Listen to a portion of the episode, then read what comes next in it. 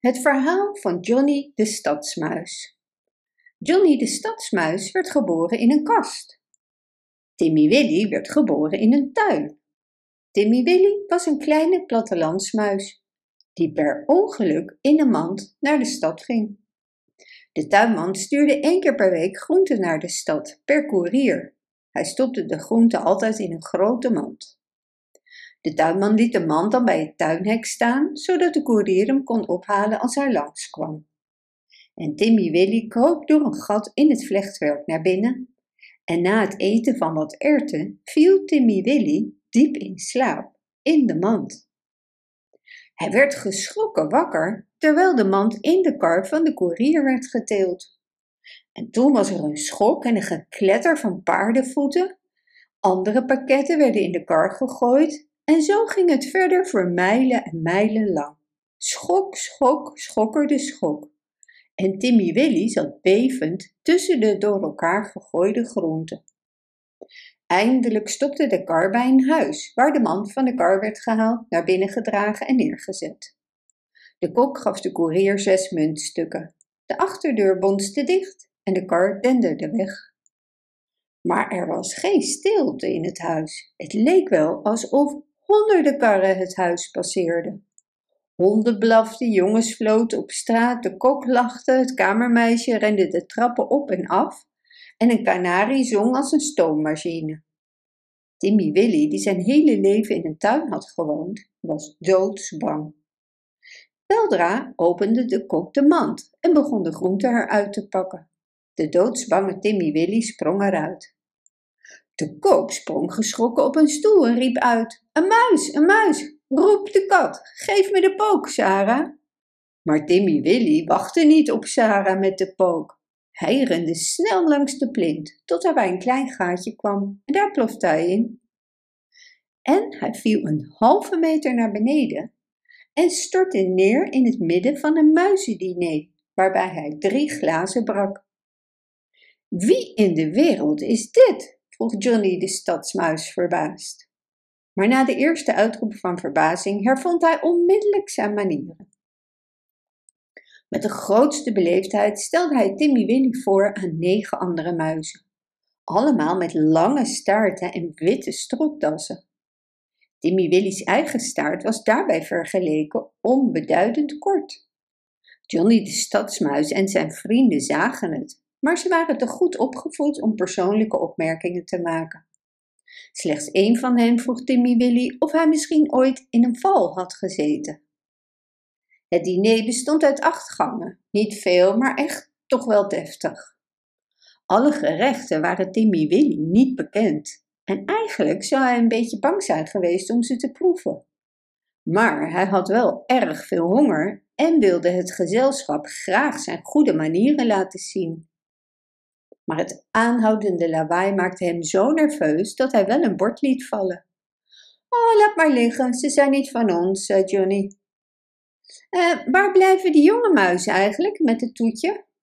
Maar het moest eerst worden uitgelegd dat de twee jonge muizen die op de andere zaten te wachten, tussen de gangen boven naar de keuken achter elkaar aanzaten. Verscheidene keren waren ze piepend en lachend naar binnen getuimeld. Timmy Willy hoorde met afgrijzen dat ze nota bene werden achtervolgd door de kat. Zijn eetlust ontbrak en hij voelde zich zwak. Probeer wat gelei, zei Johnny de stadsmuis. Nee, ga je liever naar bed? Ik zal je een heel comfortabel bankkussen laten zien. In het kussen van de bank zat een gat, maar Johnny de stadsmuis raadde eerlijk aan dat dit het beste bed was, exclusief voor bezoekers. Maar de bank rook naar kat en Timmy Willy bracht dan nog liever een ellendige nacht door onder het spatbord. De volgende dag verliep hetzelfde. Er werd een uitstekend ontbijt verzorgd, althans voor muizen die gewend waren spek te eten. Maar Timmy Willy was grootgebracht met wortels en sla. Johnny, de stadsmuis en zijn vrienden scharrelden onder de vloeren rond en liepen s'avonds brutaal door het hele huis. Een bijzonder luide knal werd veroorzaakt doordat Sarah met het theeblad naar beneden viel. Maar er waren kruimels suiker en hapjes jam te verzamelen, ondanks de kat. Timmy Willy verlangde ernaar om thuis te zijn, in zijn vredige nest op een zonnige oever. Het eten was niet zijn smaak en het lawaai belette hem te slapen. En binnen een paar dagen was hij zo mager dat Johnny de stadsmuis het opmerkte en hem wat vragen stelde. Hij luisterde naar het verhaal van Timmy Willy en informeerde naar de tuin. Het uh, klinkt nogal als een saaie plek.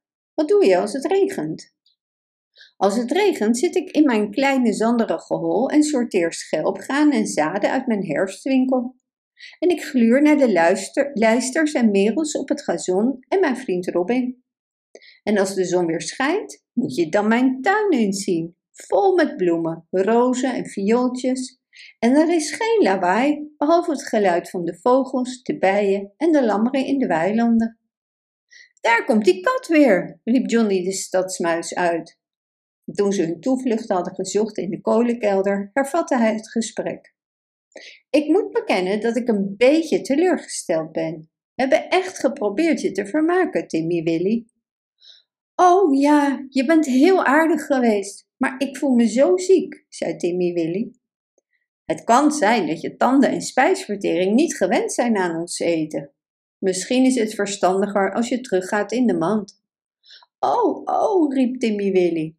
Waarom ben je trouwens vorige week niet al teruggegaan eigenlijk? zei Johnny nogal schamper. Wist je niet dat de mand op zaterdag leeg teruggaat? Dus Timmy Willy nam afscheid van zijn nieuwe vrienden en verstopte zich in de mand tussen een kruimelcake en een verdord koolblad. En na veel stoten en schokken werd hij veilig in zijn eigen tuin neergezet. En soms ging hij op zaterdag weer kijken naar de mand die bij het hek stond. Maar hij wist wel beter dan er weer in te stappen. En niemand stapte uit, hoewel Johnny de stadsmuis hem zo half en half een bezoek had beloofd. De winter ging voorbij en de zon kwam weer tevoorschijn. Timmy Willy zat bij zijn hol zijn kleine bontjas te verwarmen in de zon en de geur van viooltjes en lentegras op te snuiven. Hij was zijn bezoek aan de stad bijna vergeten. En toen kwam opeens over het zandpad, dat net helemaal spik en span was, Johnny de stadsmuis met een bruine leren tas over zijn schouder. Timmy Willy ontving hem met open armen.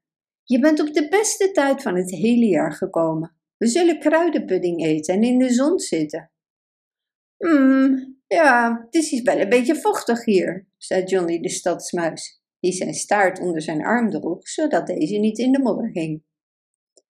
En wat is dat angstaanjagende geluid? vroeg hij, hevig verschrikt. Dat, zei Timmy Willy, dat is maar een koe.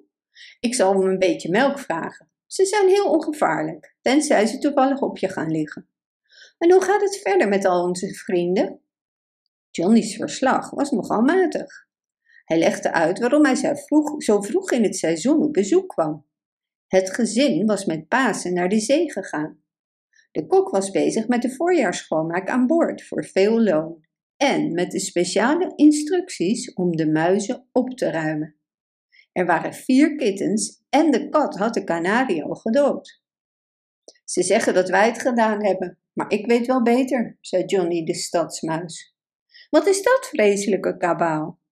Dat is alleen maar de grasmaaier. Ik zal straks wat van het gemaaide gras halen om je bed op te maken. Ik weet zeker dat je je beter op het platteland kunt vestigen, Johnny. Hmm, ja, we zullen zien en we zullen het dinsdag bekijken. De mand wordt gestopt omdat de familie aan zee is. Ik weet zeker dat je nooit meer in de stad wilt wonen, zei Timmy Willy. Maar dat deed hij wel. Hij ging terug in de volgende mand met groenten. Hij zei dat het te stil was op het platteland. De ene plek past bij de ene persoon, de andere plek bij de andere persoon. Persoonlijk woon ik ook liever op het platteland, net zoals Timmy Willy. Bedankt voor het luisteren. Wist je dat je dit verhaal ook op onze website ririro.com/nl kunt lezen, downloaden en printen?